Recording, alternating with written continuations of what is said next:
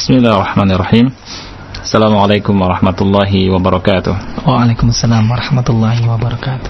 إن الحمد لله نحمده ونستعينه ونستغفره ونعوذ بالله من شرور أنفسنا ومن سيئات أعمالنا. من يهده الله فلا مضل له ومن يضلل فلا هادي له. أشهد أن لا إله إلا الله وحده لا شريك له. وأشهد أن محمدا عبده ورسوله. يا أيها الذين آمنوا اتقوا الله حق تقاته ولا تموتن إلا وأنتم مسلمون. يا أيها الناس اتقوا ربكم الذي خلقكم من نفس واحدة وخلق منها زوجها وبث منهما رجالا كثيرا ونساء. واتقوا الله الذي تساءلون به والأرحام. إن الله كان عليكم رقيبا. يا أيها الذين آمنوا اتقوا الله وقولوا قولا سديدا. يصلح لكم أعمالكم ويغفر لكم ذنوبكم. ومن يطع الله ورسوله فقد فاز فوزا عظيما. أما بعد فإن أصدق الحديث كتاب الله وخير الهدي هدي محمد صلى الله عليه وعلى آله وسلم. وشر الأمور محدثاتها فإن كل محدثة بدعة وكل بدعة ضلالة وكل ضلالة في النار. ثم Amma ba'd. Para pendengar Radio Roja Di mana pun Antum berada Alhamdulillah Dengan izin dari Allah Jalla wa'ala Dan taufiknya Kita bisa melanjutkan Pembahasan kitab Manzumatu usulil fikhi wa qawaidihi Yang ditulis oleh Al-Allamah Muhammad Ibn Salih Al-Uthaymin Rahimahullahu ta'ala. Dan pada kesempatan ini kita akan mengulas dan meringkas tentang apa yang sudah kita bahas dalam pertemuan-pertemuan yang lalu yaitu bait yang ke-23 dan ke-24 karena mengingat sangat pentingnya tentang uh, kaidah ini dan sangat besarnya kaidah ini maka saya akan ringkas sedikit dan ulas sedikit tentang apa yang sudah kita bacakan agar pemahaman kita sempurna dan tidak terpecah-pecah.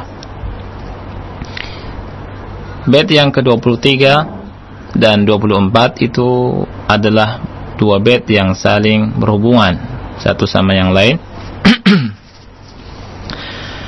yang mana beliau Syekh Muhammad Ibn Salih Al-Saimin rahimahullah ta'ala berkata والأصل في الأشياء حل وامنع عبادة إلا بإذن الشارع فإن يقع في الحكم شك فارجعي للأصل في النوعين ثم اتبعي Artinya wal aslu fil asya'i hillun hukum asal dalam segala sesuatu adalah halal wamna'i ibadatan illa biizni syari'i.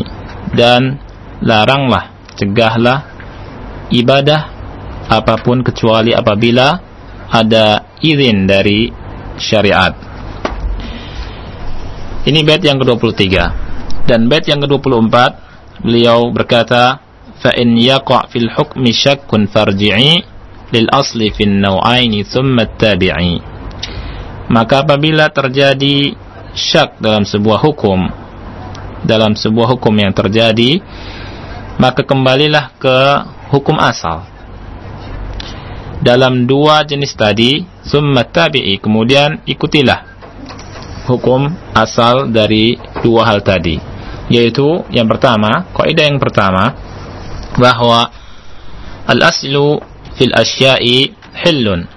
Hukum asal dalam segala sesuatu apakah itu muamalat apakah itu manafi apakah itu amal dan seterusnya adalah halal kecuali apabila ada keterangan tentang hal yang mengharamkannya. Yang kedua, al-aslu fil ibadati al-hazru. Hukum asal dalam masalah ibadah adalah haram kecuali apabila ada dalil keterangan yang membolehkan atau memerintahkannya untuk hal tersebut. Yang pertama, masalah yang pertama, al-aslu fil asya'i hillun, hukum asal dari segala sesuatu adalah halal. Di antara dalil adalah firman Allah Subhanahu wa taala dalam surat Al-Baqarah ayat 29. Huwa alladhi khalaqa lakum ma fil ardi jami'a. Dialah Allah yang menciptakan atau yang telah menciptakan lakum untuk kalian. Ma fil ardi jami'a. Seluruh apa yang ada di muka bumi ini. Kalimat lakum kalimat lakum lam di sini adalah lam. Maknanya lil ibahati walil ta'lil makna yang pertama lil ibahah dan makna yang kedua lil ta'lil artinya Allah Jalla wa'ala menciptakan apa yang ada di muka bumi ini semuanya yang mubah untuk manusia. Makna yang kedua, li ta'lil artinya menunjukkan makna sebab artinya bahwa Allah Jalla wa ala menciptakan segala sesuatu adalah sebab karena kalian ada. Kemudian ma fil ardi jami'a seluruh apa yang ada di atas muka bumi ini kalimat ma adalah isim mausul yang yufidu al-umum memberikan makna umum. Ini adalah dalil bahwa hukum asal dari segala sesuatu, sesuatu adalah halal juga di antaranya dalilnya adalah surat Al-Jasiyah ayat ke-13 ya, para pendengar bisa lihat halaman ke-85 Allah Subhanahu wa taala berfirman, "Wa sakhkhara lakum ma fis samawati wa ma fil ardi jami'an minhu." Saya ulangi, hukum asal bahwa segala sesuatu adalah halal adalah di antara dalil adalah surat Al-Jathiyah ayat 13. Allah katakan, "Wa sakhkhara lakum" artinya wa dhallala. Wa dhallala Allah mentaskhir Allah menjadikan apa yang ada di muka bumi dan eh, apa yang ada di langit dan muka bumi ini itu ditundukkan untuk kalian semua wasakhkhara lakum ma fis samawati wa ma fil ardi jami'an minhu. Dan Allah tundukkan untuk kalian seluruh apa yang ada di langit dan apa yang ada di bumi. Syekh berkata zallala lana ma fis samawati wal ardi fasyamsu mudhallalatun li wal qamaru wan nujumu was sahabu war riyahu kulluha mudhallalatun li bi azza wa jal. Allah subhanahu wa ta'ala telah mentaskhir telah menundukkan seluruh apa yang ada di langit dan di bumi untuk kita semua baik itu langit eh, baik itu matahari mataharinya atau eh, bulannya bintang-bintangnya sahab awannya anginnya semuanya untuk kemaslahatan manusia.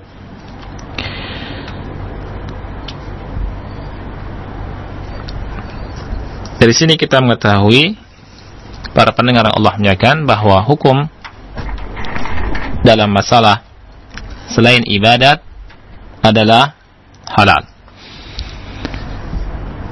Saya kasih contoh sebagaimana dicontohkan oleh Syekh Muhammad Ibn Shalih Al-Utsaimin rahimahullahu taala tentang masalah maka, misalkan makanan atau uh, tumbuh-tumbuhan.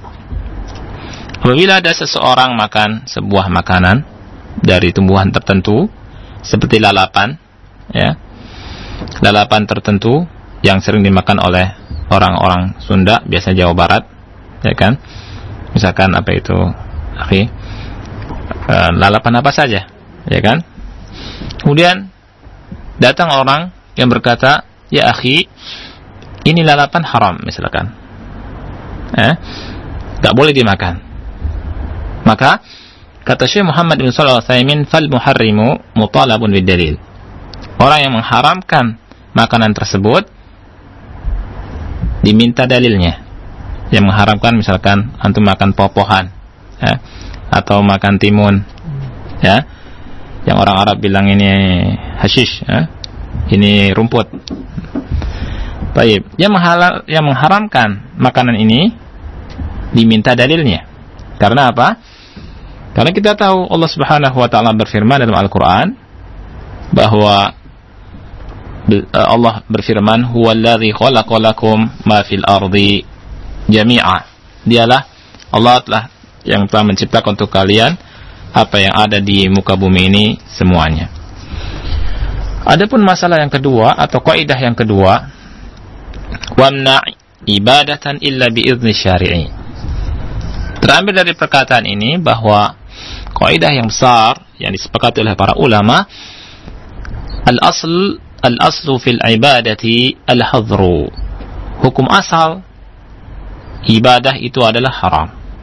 Apa arti haram? Artinya seseorang tidak boleh melakukan sebuah ibadah kecuali apabila mendapatkan izin dari syariat. Bagaimana kita mengetahui ada izin dari syariat? Ya. Kita mengetahui ada izin dari syariat tentunya dengan dalil. Apa dalilnya? Kaum muslimin memiliki dalil dari Al-Quran dan Sunnah.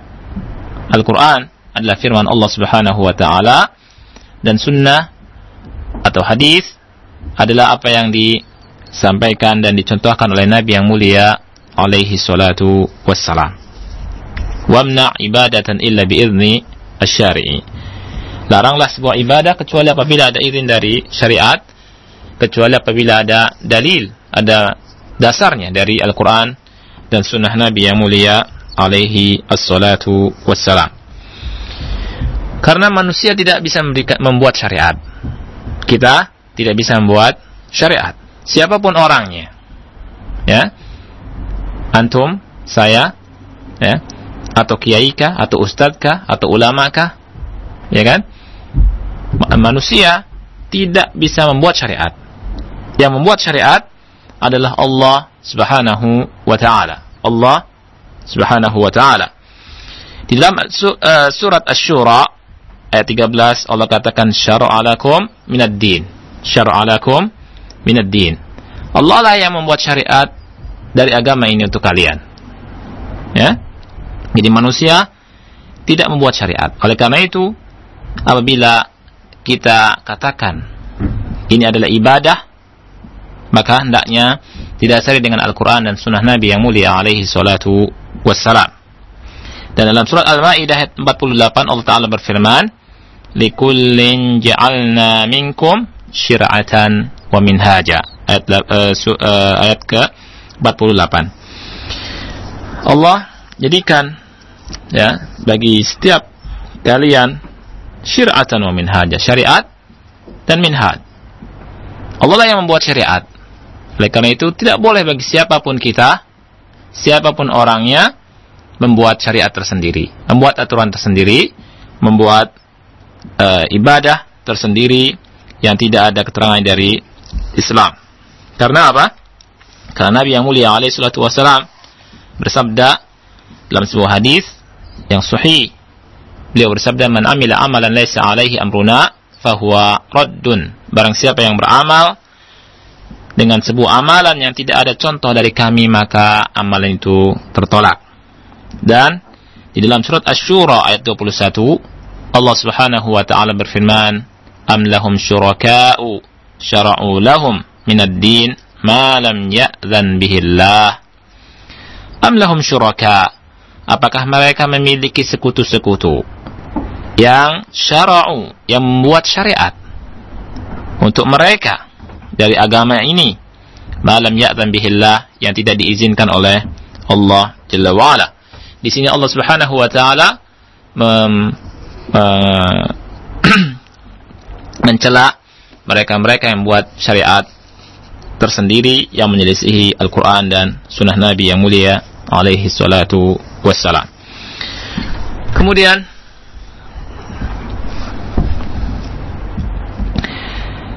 hendaknya diketahui oleh kita semua para pendengar yang Allah muliakan bisa para pendengar lihat di kitab Manzumatu Usulil Fiqh wa Qawaidihi halaman ke-86 bagi yang memiliki kitabnya Syekh berkata bahwa hendaknya harus tegak dalil. Ada dalil tentang sebuah keberadaan ibadah itu disyariatkan. Ya. Jadi eh, seluruh apa-apa yang berhubungan dengan masalah ibadah hendaknya kita tahu dalilnya atau hendaknya tegak dalil dalam masalah itu. Dan uh, hendaknya ibadah itu sesuai dengan syariat dalam enam hal yang disebutkan oleh Syekh Muhammad Ibnu Shalih Al-Utsaimin rahimahullah taala dan saya singkatkan atau saya ikhtisarkan, saya ringkaskan agar pemahaman kita lebih uh, kuat lagi dan lebih lurus lagi. nah, enam hal yang disebutkan oleh Fadilatul Syekh Muhammad Ibnu Shalih Al-Utsaimin rahimahullahu taala adalah yang pertama, as-sabab. Ibadah hendaknya atau sebuah peribadatan hendaknya sesuai dengan syariat dalam sebab. Sebabnya. Ibadah ini terjadi sebabnya apa? Yang kedua, dari sisi jenis.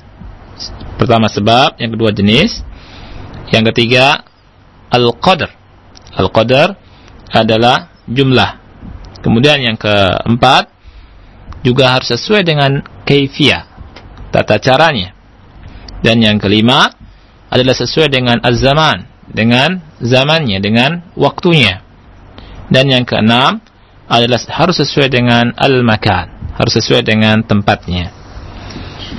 Masalah yang pertama, antakuna muwafiqatan li syar'i fi sababiha. Hendaknya ibadah itu sesuai dengan syariat dalam masalah sebabnya. Dalam masalah sebabnya. Ya.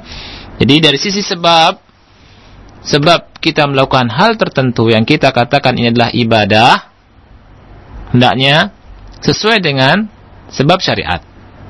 Karena Allah Subhanahu wa taala tidak menerima ibadah yang sebabnya itu dikarang-karang oleh kita. Dikarang-karang oleh manusia. Yang mana Syekh Muhammad Ibn Salah rahimahullah berkata, "Faman syara'a ibadatan lisababin lam yaj'alhu syari'u sababan innaha la tuqbal lianna syari'a lam ya'zan biha."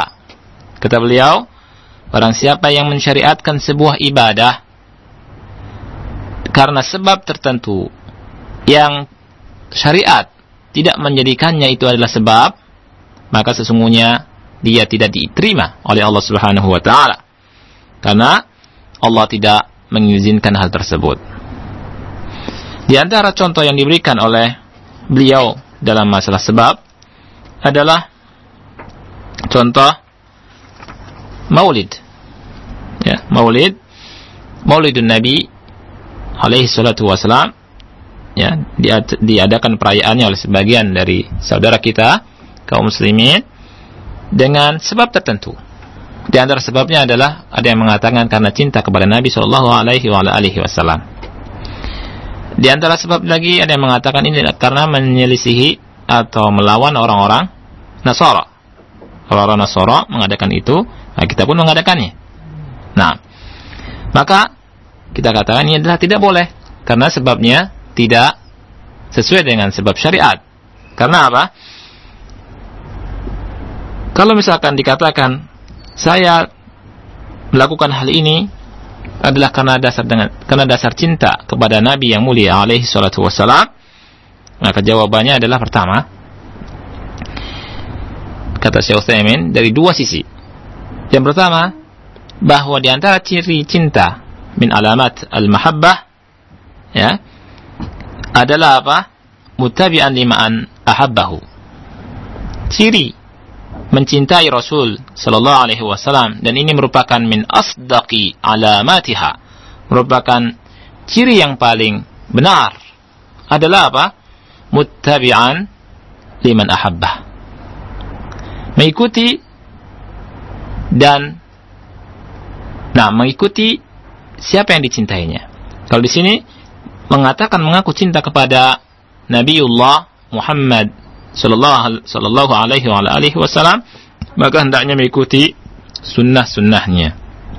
Karena Allah Subhanahu wa taala berfirman Qul in kuntum tuhibbuna Allah fattabi'uni yuhibbukumullahu wa yaghfir lakum dzunubakum Allah katakan kul katakan wahai Muhammad in kuntum tuhibbuna Allah. Apabila kalian cinta Allah maka fattabi'uni ikutilah aku. Yuhibbukumullah niscaya Allah akan mencintai kalian. Ini adalah ayatul mihnah, ayat ujian. Ujian bagi orang yang mengklaim dirinya mencintai Allah, maka hendaknya dibuktikan dengan dengan mengikuti sunnah Nabi yang mulia alaihi salatu wassalam. Kemudian yang kedua, jawaban yang kedua bagi orang yang mengatakan saya melakukan itu karena cinta kepada Nabi sallallahu alaihi wasallam, maka jawaban yang kedua adalah annaka lasta ashadda mahabbatan li Rasulillah SAW min khulafaihi wa ashabih. Bahwa engkau tidak lebih mencintai Rasulullah SAW seperti cintanya mereka para khulafaur rasyidin dan para sahabat Rasulullah sallallahu alaihi wa alihi wasallam. Kalau ditanya, cinta Anda kepada Rasul dengan cintanya uh, para sahabat Rasulullah sallallahu alaihi wasallam kepada Rasul, siapa yang lebih cinta? Yang lebih cinta adalah mereka. Para sahabat Rasulullah Shallallahu Alaihi Wasallam dan cinta sudah terbukti. Ya? Mereka membela Rasulullah Shallallahu Alaihi Wasallam. Mereka menjaga Rasulullah Shallallahu Alaihi Wasallam dan berkorban demi Rasulullah Shallallahu Alaihi Wasallam baik harta, nyawanya, hatta nyawanya sekaligus. Nah, tenaganya dan seterusnya. Dan kita tidak menjumpai ya di antara mereka mengadakan perayaan ini. Tidak mungkin kita mengatakan bahwa seseorang lebih mencintai Rasul daripada Abu Bakar. Tidak mungkin kita mengatakan seseorang lebih mencintai Rasul daripada uh, Umar, daripada Utsman, daripada Ali dan dari para sahabat Rasulullah Shallallahu alaihi wa alihi wasallam. Dan perlu kita ketahui mereka adalah orang-orang yang mentatbik mengikuti sunnah Nabi yang mulia alaihi wasallam dalam kehidupan mereka dan uh, mereka adalah orang-orang yang termuliakan karenanya. Yang kedua, hendaknya ibadah itu sesuai dengan syariat dalam jenis. Dalam jenisnya, ini halaman yang ke-90 ya. Halaman 90. Apabila seseorang melakukan ibadah tertentu yang sudah ada contoh jenisnya dari syariat, kemudian dia tidak melakukannya sesuai dengan syariat maka ibadahnya tidak diterima. Ya?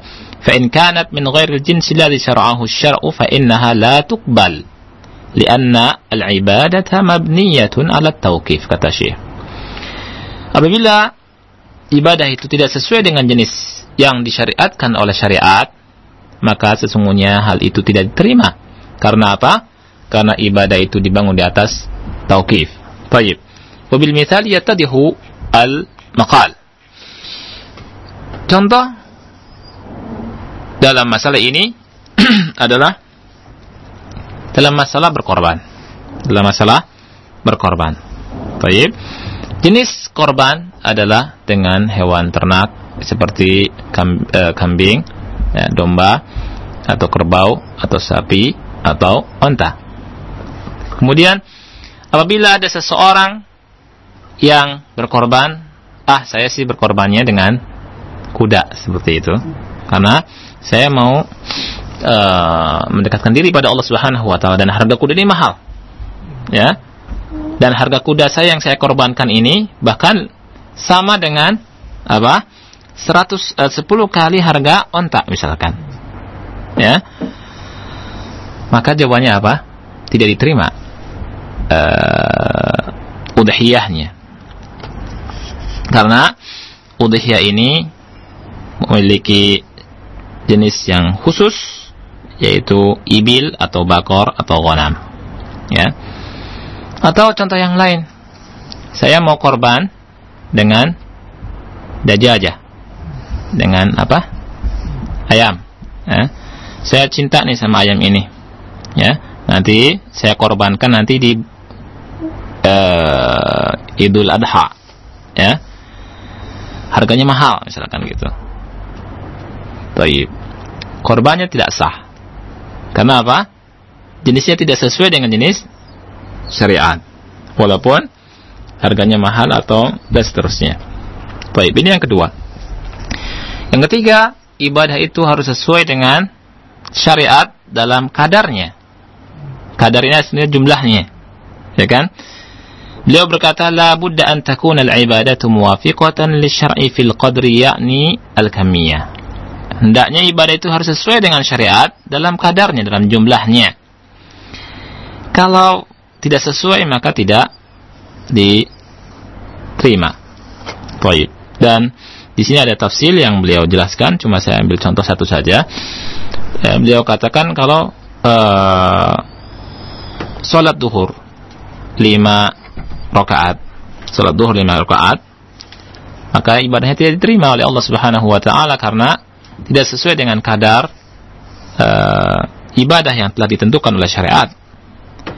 Salat subuh, misalkan tiga rakaat, saya masih, masih kuat untuk melakukan salat subuh, karena salat subuh karena saya baru bangun dan seterusnya masih kuat uh, semangat, masih semangat dan seterusnya. Kemudian saya salat subuh misalkan empat rakaat, maka tidak diterima oleh syariat, karena dia tidak sesuai dengan syariat. Nah, Kemudian yang keempat, sesuatu ibadah itu harus sesuai juga dengan syariat dalam keifiatnya, dalam tata caranya. Ya. Dalam tata caranya. Kalau tidak sesuai dengan syariat dalam tata caranya, maka tidak diterima oleh Allah Subhanahu wa taala karena menyelisihi dalam keifiyah. Contoh, misalkan kalau ada seseorang yang sujud dalam sholat, kemudian ruku, maka sholatnya tidak diterima lam tasih salatuhu. Ya. Karena kaifiat salat itu ada aturannya. Ruku dulu kemudian sujud. Kalau ada yang sujud dulu kemudian ruku maka tidak diterima. Lam tasih salatuhu. Ya. Contoh yang lain. Ka'bah ibadah di Ka'bah adalah dengan tawaf ya, tawaf. Dan tawaf dicontohkan oleh Nabi yang mulia alaihi salatu wasalam adalah Ka'bah di sebelah kiri kita. Kita muternya dari kiri, ya kan? Kemudian ah, saya sih mau tawaf tapi Ka'bahnya sebelah kanan saya. Mutar, kan gitu. Nah, ini tidak diterima. Karena apa? Tidak sesuai dengan kaifiat yang dicontohkan oleh Nabi yang mulia alaihi salatu wassalam. Jadi, hendaknya ibadah itu harus sesuai dengan kaifiatnya. Ini yang keempat. Yang kelima, ibadah harus sesuai dengan syariat pada zaman pada zaman zamannya ya zaman yang telah ditentukan oleh syariat hendaknya kita harus sesuai dengan zaman tersebut ya seperti masalah contoh adalah masalah salat contoh adalah masalah salat kalau seseorang salat duhur sebelum matahari tergelincir sebelum waktunya, maka sholatnya tidak diterima walaupun dia sholat dengan khusyuk. Ya. Kemudian yang ke enam terakhir ibadah itu harus sesuai dengan syariat dari sisi makannya, dari sisi tempatnya. Bisa dilihat halaman ke-93 di eh, kitab Manzumatu usulil fikhi wa qawaidihi. Kata Syekh, la budda an takuna al-ibadatu muwafiqatan lisyar'i fi makaniha. Hendaknya ibadah itu harus sesuai dengan syariat pada tempatnya. Pada jenis tempatnya. Contohnya adalah apabila seseorang i'tikaf, kata Syekh Muhammad sallallahu alaihi i'tikaf di rumah di 10 hari terakhir bulan Ramadan. I'tikafnya sah atau tidak? Maka jawabannya adalah i'tikafnya tidak sah karena tempat i'tikaf adalah di masjid. Tempat i'tikaf di masjid dan dalilnya adalah firman Allah Jalla wa ala dalam surat Al-Baqarah ayat 187 wala tubashiruhunna wa antum aakifuna fil masajid. Dan janganlah kalian menggauli istri kalian wa antum aakifuna fil masajid. Dan antum sedang beriktikaf di masjid. Ya. Di sini kita mengetahui bahwa tempat i'tikaf adalah fil masajid fi masajidillahi jalla wa ala contoh yang lain kalau ada orang yang tawaf ada orang tawaf di luar Masjidil Haram di luar Masjidil Haram maka tawafnya tidak diterima. Atau di Banten tawaf di batu Banten ya di batu tertentu tawaf ya ini tidak diterima ya. atau haji ke Borobudur. Ya. Ini diterima.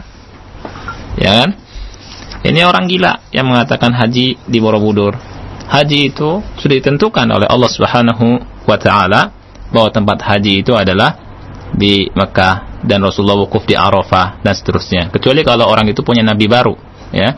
Nabinya nabi Borobudur. Mungkin candi tawafnya di Borobudur kemudian uh, wukuf di Borobudur dan seterusnya. Karena ada yang berpendapat seperti ini dan ini adalah pendapat yang syadun menyimpang dalun sesat dan mudillun dan menyesatkan. Nah jadi ibadah itu antakuna muwafiqatan lisyar'i fi makaniha. Hendaknya ibadah itu hendaknya sesuai dengan syariat di tempatnya dari sisi tempat. Ya. Jadi contohnya adalah tadi apa? I'tikaf. Tempatnya di mana fi masajidillahi jalla wa ala. Di masjid Allah Subhanahu wa taala. Kalau kita orang Islam ngarang-ngarang ah saya itikaf di rumah saja maka itikafnya tidak diterima. Ya. Kemudian ada yang haji katanya saya usulkan hajinya ke Borobudur. Ya akhi en antum atau anta ta'rif al-hajj ke mana? Kan gitu? Rasulullah sallallahu alaihi wasallam haji jelas dari Madinah kan gitu. Jauh-jauh berjalan ya sampai ke Mekah. Untuk melakukan apa? Ibadah haji. Dan Allah wa, katakan fin nasi bil haji ya'tuka rijalan uh, dalam surah Al-Hajj dalam surah Al-Hajj ya. Di situ dijelaskan Allah mengumumkan memerintahkan Nabi Ibrahim alaihissalatu wasalam untuk mengumumkan manusia untuk melakukan ibadah haji. Saya datang dari berbagai penjuru dunia kepada ke sana ya ke ke sana. Dan waktu kita tahu waktu zaman apa? Abroha. Antum tahu zaman apa? Abroha ya.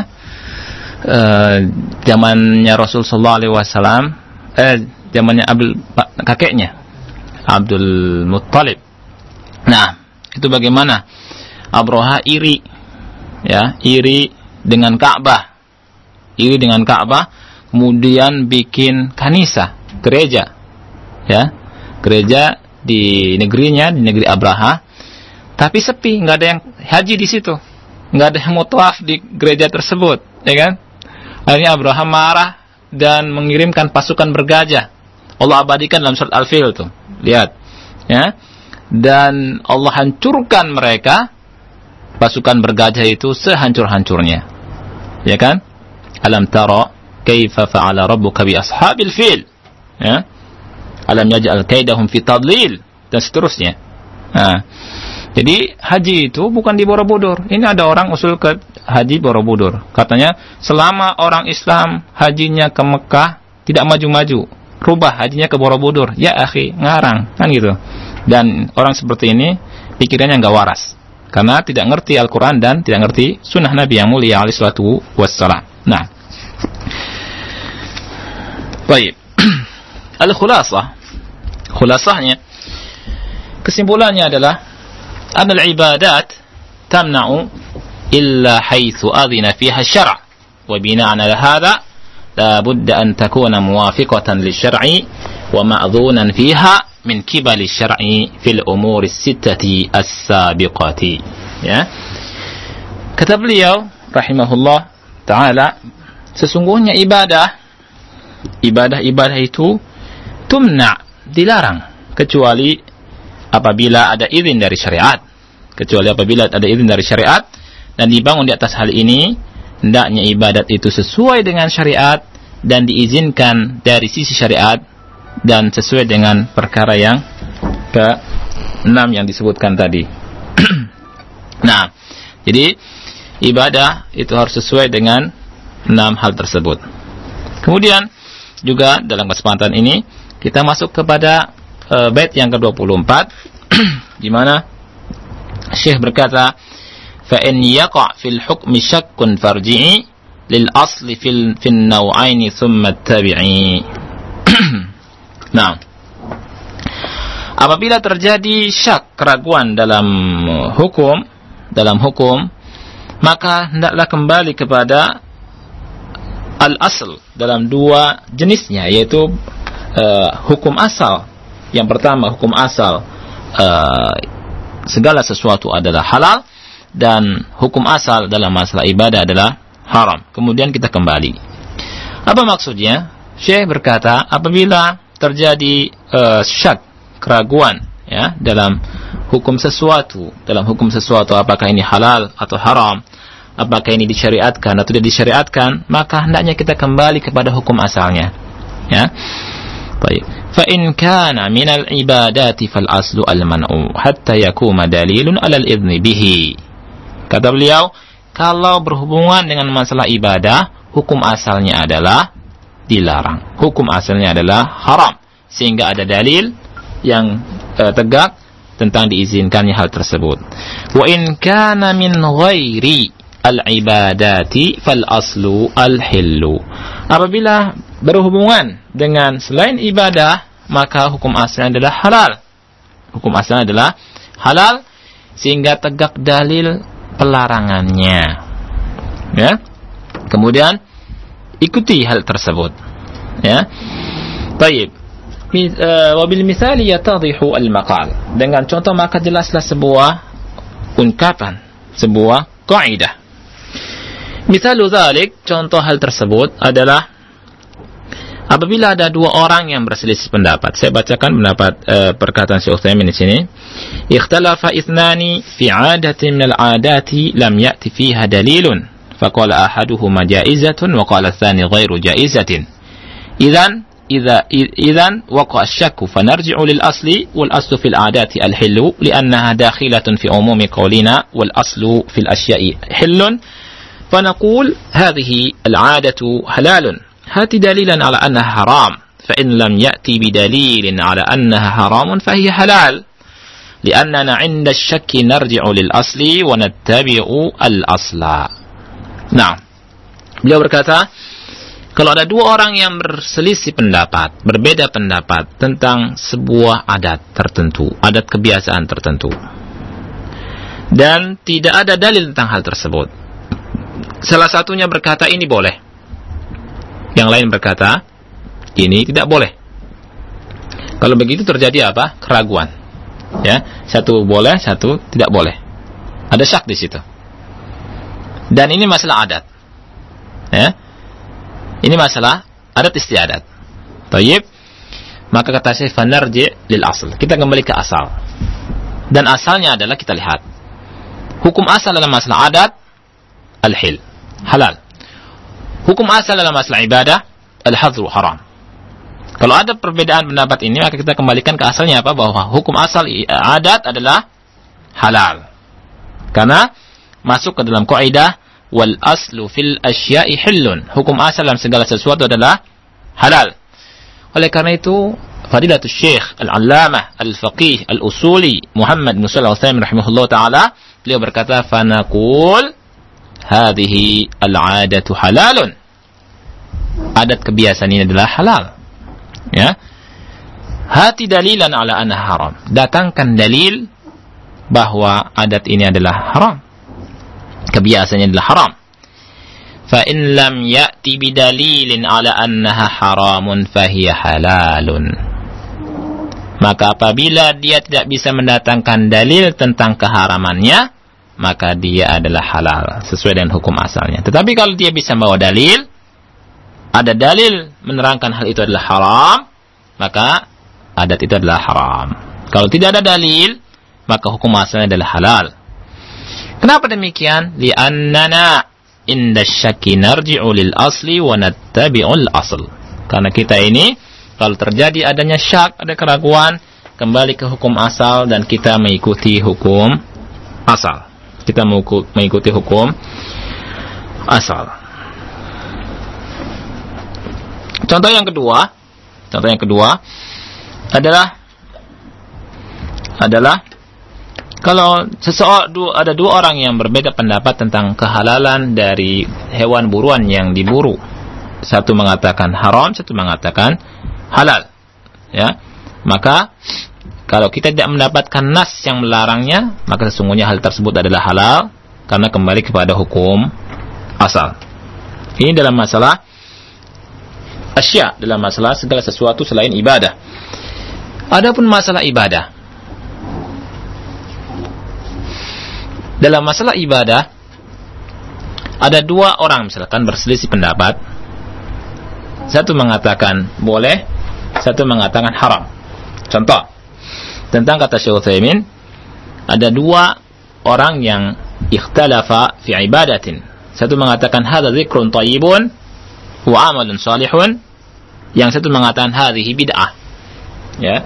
Satu mengatakan hadza dzikrun thayyib ini zikir yang bagus. Dan ini amal yang soleh dan kita boleh mengamalkannya.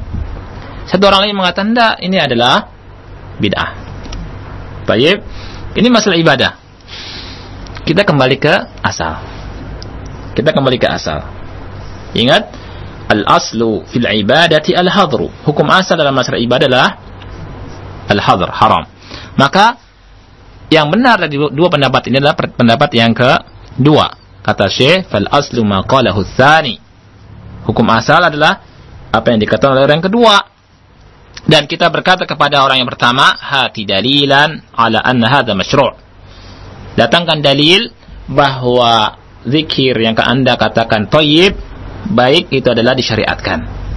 Kalau tidak ada dalil dari Al-Qur'an atau sunnah, maka ini adalah bid'ah. Contoh yang dicontohkan oleh Syekh Muhammad SAW adalah seperti uh, yang dilakukan oleh sebagian kaum muslimin kata beliau dengan hal ini kita bisa tahu ya tentang uh, bid'ah-bid'ah yang dilakukan oleh ahli bid'ah seperti sholat lailat rogaib malam rogaib yaitu awal Jumat di bulan Rajab. Nah, satu mengatakan boleh, satu mengatakan tidak boleh. Nah, yang mengatakan boleh mana dalilnya? Kan gitu. Kemudian salat nisfu Sya'ban. Satu mengatakan boleh, ini sunnah, satu mengatakan tidak boleh. Di antara kaum muslimin. Maka kita melihat hukum asal ibadah adalah haram. Kita tidak boleh melakukan kecuali apabila ada dalil. Hat dalilan.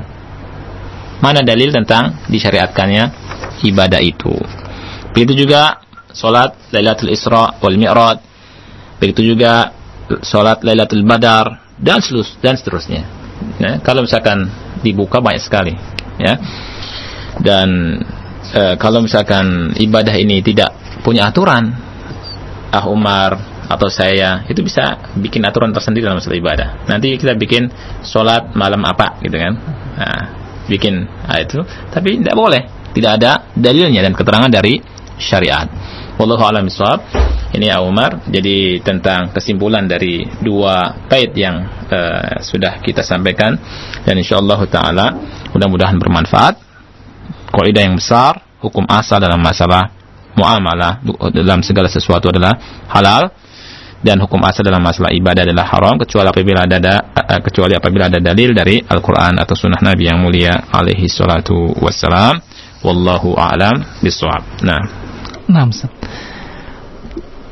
Jazakallah khairan atas materi yang telah Anda sampaikan Ustaz di sore hari ini yang penuh berkah ini dan tentu juga materi yang sangat berfaedah sekali untuk kita semua satu materi dari nazam yang sangat berharga untuk kaum muslimin sebagai patokan dalam beribadah dan juga dalam bermuamalah tentunya dan selanjutnya ikhwatul Islam kami akan ajak Anda untuk bersoal jawab dengan beliau untuk lebih memperdalam materi kita di sore hari ini. Akan tetapi kami akan jeda terlebih dahulu beberapa jeda ini dan setelah jeda berikut ini Anda bisa bertanya langsung ke beliau melalui telepon melalui layanan telepon yang telah kami sediakan untuk Anda di 8236543 ataupun yang Anda ingin bertanya melalui pesan singkat kami pun telah menyediakannya yaitu di nomor 0819896543. Baik para pendengar kami akan jeda terlebih dahulu.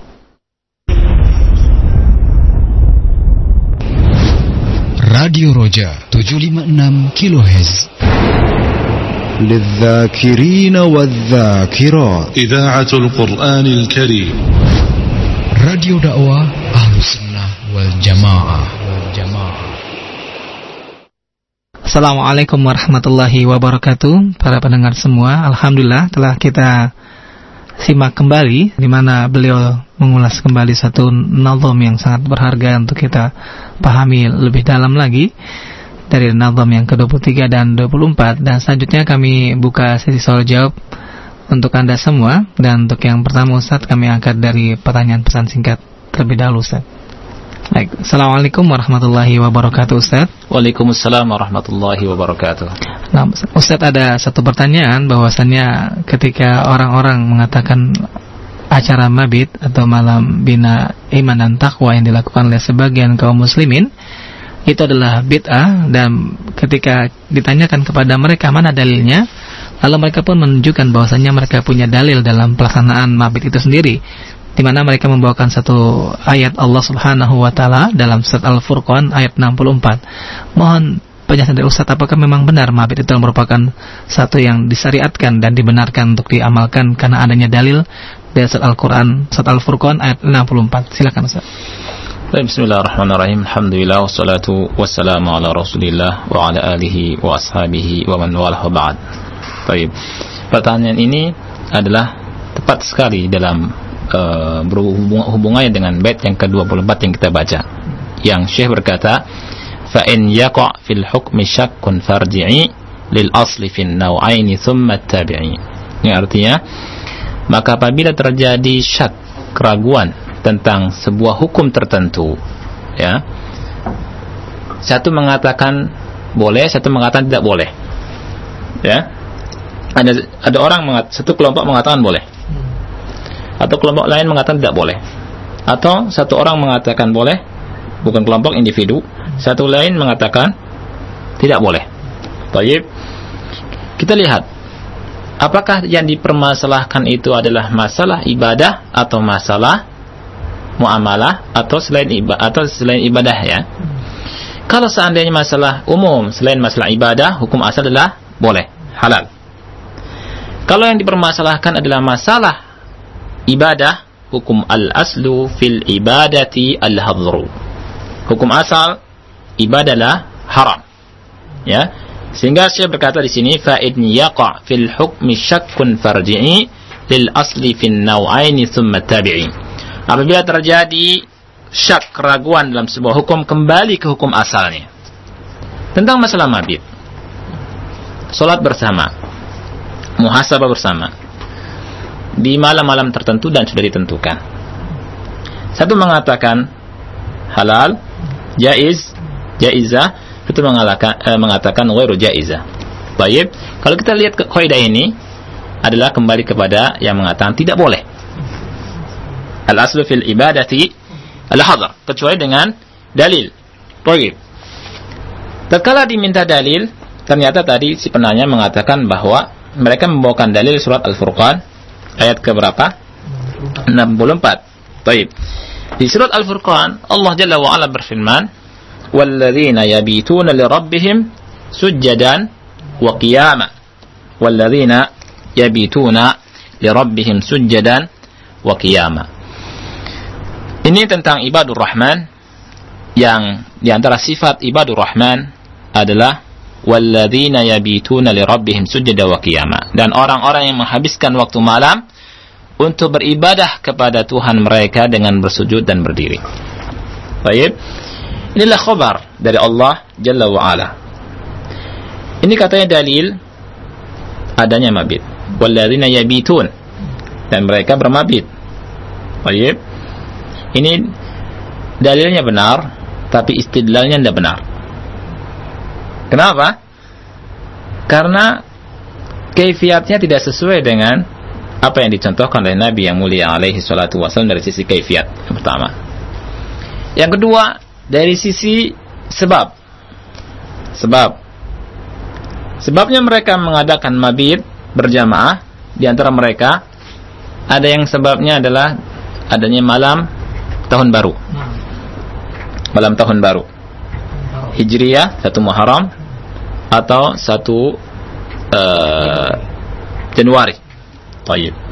Kita lihat apakah ada pada zaman Nabi yang mulia sallallahu wasallam. Apakah dicontohkan oleh Nabi yang mulia sallallahu wasallam? Tentunya jawabannya adalah al-jawabul la.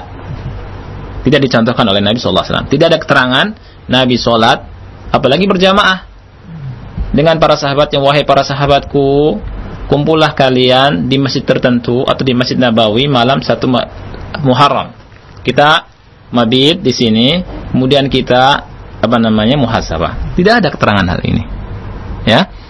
Padahal adalah uh, Rasulullah SAW adalah yang membuat syariat dan yang mencontohkan sholat malam.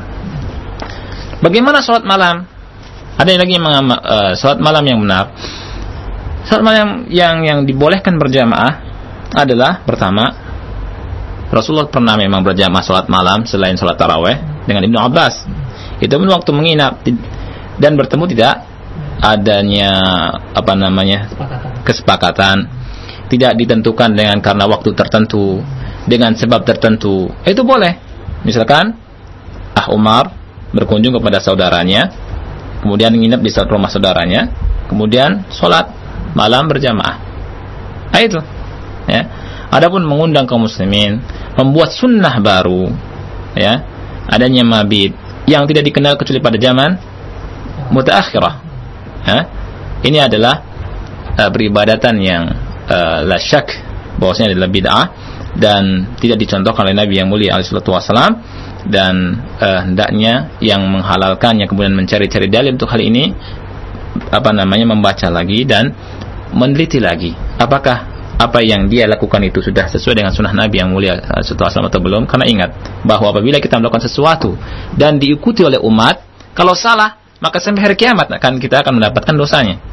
Nah ini yang bisa saya sampaikan, mudah-mudahan bermanfaat dan tidak ada ulama satupun yang mengatakan bahwa mabit bersama kemudian sholat malam berjamaah dan tidak didasar dengan malam Muharram tertentu, eh, malam Muharram, malam anu tertentu tidak ada keterangannya. Ini hampir sama dengan uh, apa yang dilakukan oleh orang-orang sebelumnya uh, yang malam rogoib malam itu tidak ada bedanya.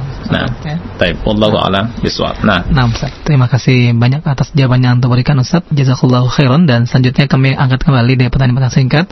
Dan ini merupakan pertanyaan yang datang dari seorang pendengar kita mungkin saat yang baru mengikuti kajian ini ataupun mereka baru mendengarkan Radio Roja dan memang kebanyakan saat-saat ini banyak pertanyaan dari pendengar-pendengar kita yang baru mendengarkan Radio Roja. Ya, beliau bertanya tentang hukum asal ibadah adalah haram. Nah, dari manakah pernyataan ini? Apakah ada di Al-Qur'an atau Sunnah? Silakan Ustaz. Baik. Uh, ini adalah kaidah dari ulama, tentunya ungkapannya adalah ungkapan ulama. Al-aslu fil ash, uh, fil ibadati al-hadru. Hukum asal ibadah itu haram. Ini adalah pemahaman yang diambil dari Al-Quran dan Sunnah Nabi yang mulia alaihi salatu wassalam. Ya. Di dalam Al-Quran Allah Subhanahu wa taala berfirman dalam surat Asy-Syura yang tadi saya bacakan ayat ke-21 ya. Allah taala berfirman dan mesti kita pahami dengan benar.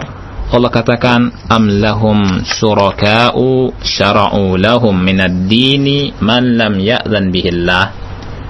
Apakah mereka memiliki sekutu-sekutu yang membuat syariat agama untuk manusia, untuk mereka yang tidak ada contoh, tidak ada izin dari Rabb Allah, dari dari dari Allah Subhanahu wa taala. Ini dalil yang pertama. Artinya apa? Dari sini kita mengetahui bahwa Allah tidak mengizinkan orang membuat syariat tersendiri. Syariat dari Allah yang pertama. Dalil yang kedua dari sunnah. Dari sunnah Nabi yang mulia alaihi salatu wasalam bersabda dalam sebuah hadis riwayat Bukhari Muslim dari jalan Aisyah radhiyallahu anha Rasul bersabda man amila amalan laisa alaihi amruna fahuwa raddun. Barang siapa yang beramal dengan sebuah amalan yang tidak ada contoh dari kami, maka amalan itu adalah tertolak. Ya. Barang siapa yang berbuat sebuah amalan yang tidak ada contoh dari kami, maksudnya tidak ada contoh dari Muhammad sallallahu alaihi wasallam, ya, maka itu tertolak. Karena syarat diterimanya ibadah itu ada dua. Yang pertama adalah pertama ikhlas, yang kedua adalah sesuai dengan sunnah Rasulullah sallallahu alaihi wa ala alihi wasallam. Allah Ta'ala berfirman, "Laqad kana lakum fi Rasulillahi uswatun hasanah liman kana yarjullaha wal yawmal akhir wa dzakarallaha katsira." Sesungguhnya telah ada suri tauladan yang baik pada diri Rasulullah SAW untuk kalimat, untuk kalian. Bagi orang yang berharap kepada Allah dan hari akhir dan orang itu banyak berzikir. Ini dua dalil saja cukup untuk apa namanya kaidah ini. Ya, kaidah hukum asal ibadah adalah al-hadru. Hukum asal dari ibadah adalah haram. Beranikah kita mengada-adakan ibadah? Saya tanya. Berani tidak? Yang bertanya, misalkan saya tanya, atau kita, atau siapa saja, coba sholat subuh tiga rakaat. Berani tidak? Eh? Jawabannya setiap kita kaum muslimin tidak akan berani melakukan sholat subuh tiga rakaat. Kenapa? Karena tidak ada contoh dari syariat. Tidak ada contoh dari Rasulullah SAW. Naam Allah Ta'ala berfirman, Waqimus sholat. Tegakkanlah sholat. Dirikanlah sholat. Dan Rasul yang mulia al menjelaskan bahwa sholat subuh dua rakaat. Ya kan? Kita tidak tidak berani menambah-nambah atau mengurangi apa yang telah dicontohkan oleh Nabi Sallallahu Alaihi wa alihi Wasallam. Nah, nah Ustaz, terima kasih kembali Ustaz atas jawaban yang memberikan.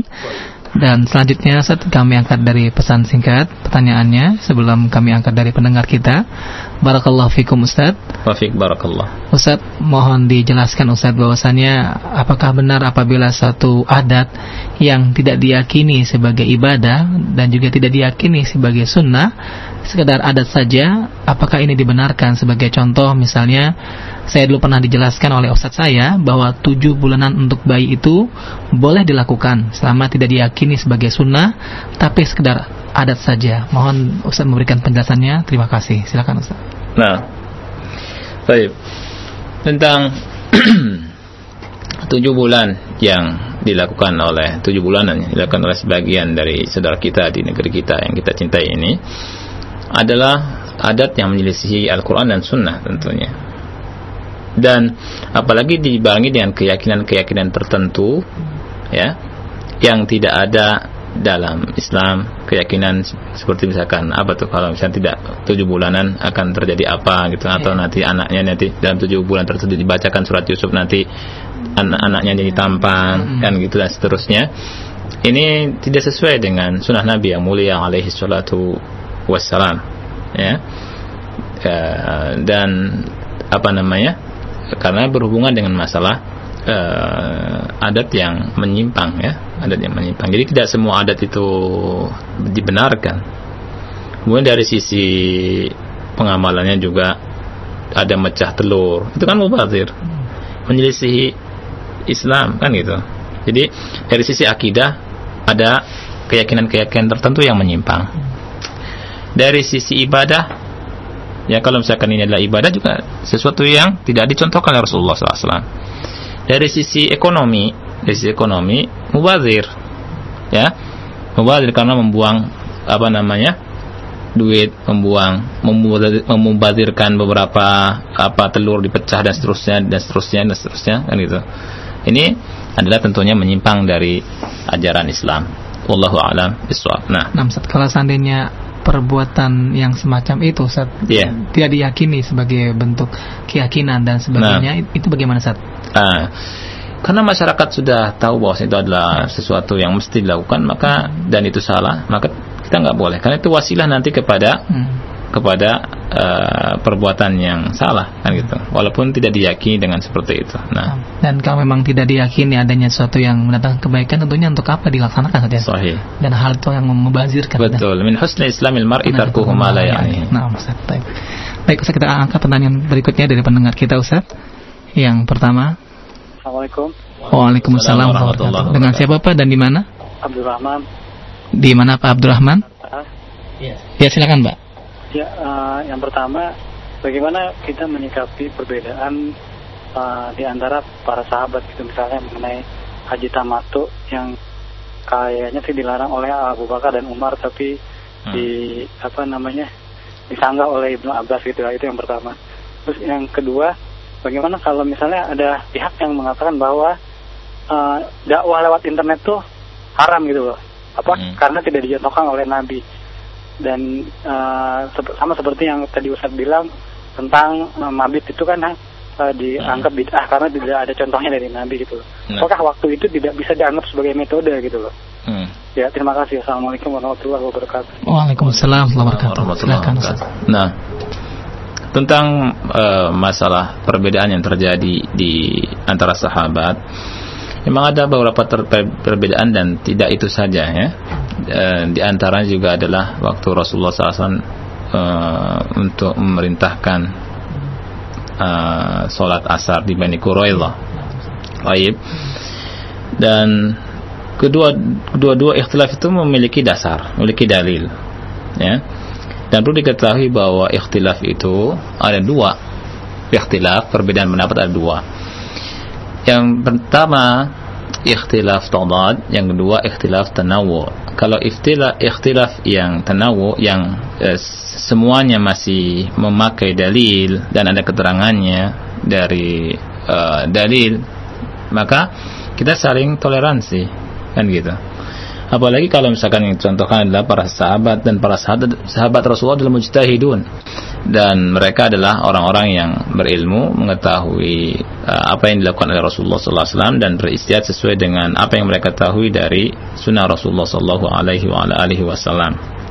Yang satunya mengetahui dalil, kadang-kadang nyampe sudah dalil kepada uh, satu sahabat, yang satu belum mengetahui dalilnya, kan gitu dan eh, ini sesuatu yang wajar di antara sahabat Rasulullah SAW. Pada zaman Umar bin Khattab radhiyallahu anhu, beliau waktu itu eh, mau pergi ke apa namanya ke sebuah tempat, eh, kalau tidak salah ke Syam. Kemudian didengar di daerah tersebut ada taun wabah penyakit. Ya. Kemudian para sahabat berikhtilaf pendapat apakah kita mesti ke sana atau tidak, kan gitu. Apakah kita mesti terus dengan tawakal atau kita kembali.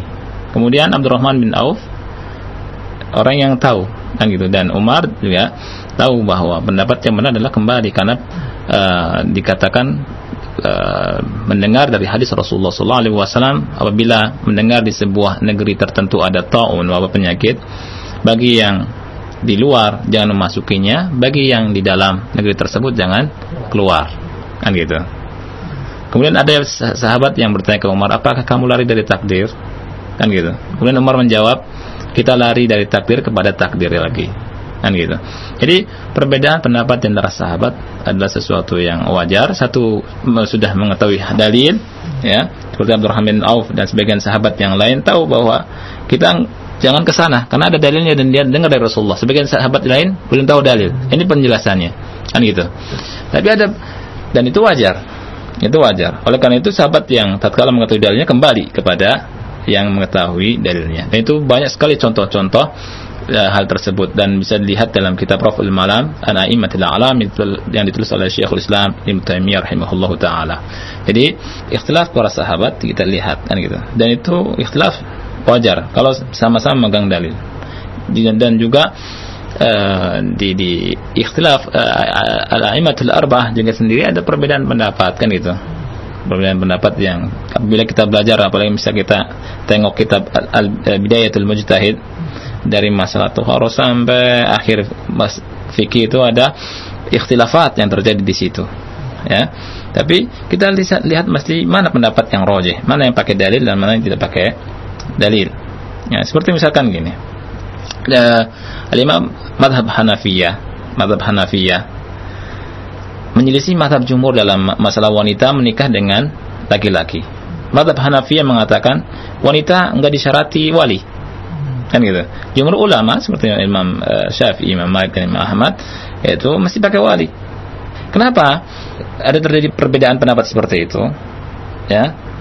Karena salah satunya dalil belum nyampe kepada salah satunya. Kan gitu. Kepada mazhab Hanafiyah bahwa Rasulullah SAW berkata la nikah illa biwali Kemudian Rasul bersabda ayu mamra'atin nakahat bi ghairi idzni waliha fanikahu batilun fanikahu batilun. Perempuan mana saja yang nikah tanpa izin walinya maka nikahnya batil, nikahnya batil, nikahnya batil. Baik. Kalau dulu pendapat seperti ini. Satu membolehkan, satu tidak membolehkan. Saya tanya kepada Ahumar, ikut yang mana? Ikut yang tidak membolehkan eh? Iya, ikut yang ada dalilnya tentunya. Ikut yang ada dalilnya dan tidak membolehkan. Baik.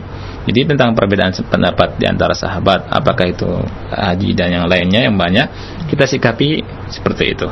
Lihat dalilnya. Dan kita kembali kepada yang pakai dalil. Baik. Kemudian uh, tentang permasalahan yang kedua, dakwah dengan lewat internet apakah boleh atau tidak. Selagi mampu, semua wasilah ya, wasilah yang mubah yang dihalalkan itu kita bisa gunakan, kita gunakan kan gitu.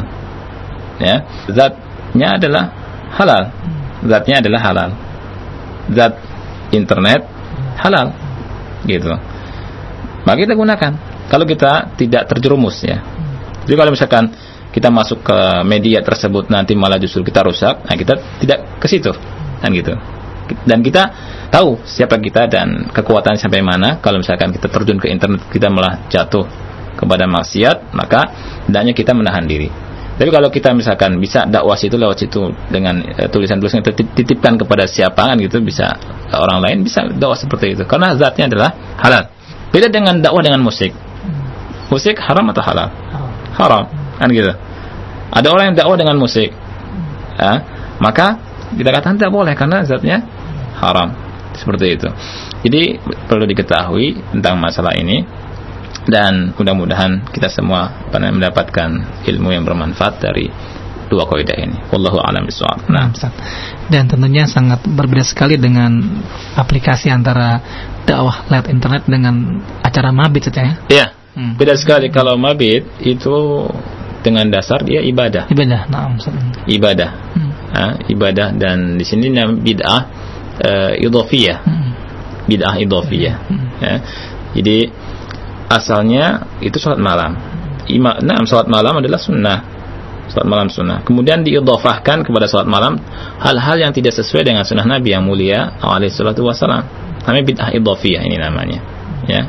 Wallahu alam bisawab. Nah, dan waktu yang memang tidak memungkinkan untuk yeah. melanjutkan kajian kita sore hari untuk soal jawab. Barakallahu fiik. Wa fika barakallah. Mungkin sebagai akhir perjumpaan kita Ustaz yang bisa antum sampaikan untuk para pendengar dipersilakan Ustaz. Nah, Alhamdulillah para pendengar yang Allah muliakan kita telah menyelesaikan dua kaidah besar yang disepakati oleh para ulama dan tidak ada setahu anak ulama yang menyelisihinya bahwa uh, al-aslu fi al-asya'i al-hil hukum asal dalam segala sesuatu adalah halal. Dan yang kedua adalah al-aslu fil ibadati al-hadru hukum asal dalam masalah ibadah adalah hadar hukumnya adalah haram. Illa ma dalla dalilu ala syar'iyyatihi kecuali apabila ada dalil yang mensyariatkannya. Dan hendaknya kita betul-betul memahami dua kaidah ini agar tidak kita tidak terjebak kepada perbuatan bid'ah kemudian diikuti oleh yang lainnya yang kita khawatir berjumpa dengan Allah Subhanahu wa taala dengan kesesatan atau dengan sesuatu yang kita tidak tidak mengerti ya. Oleh karena itu kita uh, selalu talabul ilmi ya dan kullun yu'khad wa yurad sahibu qabr kata Imam Malik. Semua pendapat, semua perkataan bisa diterima, bisa ditolak kecuali Rasulullah sallallahu alaihi wasallam dan saya mengajak kepada para pendengar untuk marilah kita bersemangat untuk talabul ilmi. Kita baca kitab-kitab Ahlussunnah wal Jamaah, kita para ulama Ahlussunnah wal Jamaah dan kita pahami dalilnya, kita pahami kenapa dan kenapanya dan ilat-ilatnya dan seterusnya agar kita memahami di atas ilmu. Taib. Subhanakallahumma bihamdika asyhadu an la ilaha illa anta astaghfiruka wa atubu. Assalamualaikum warahmatullahi wabarakatuh.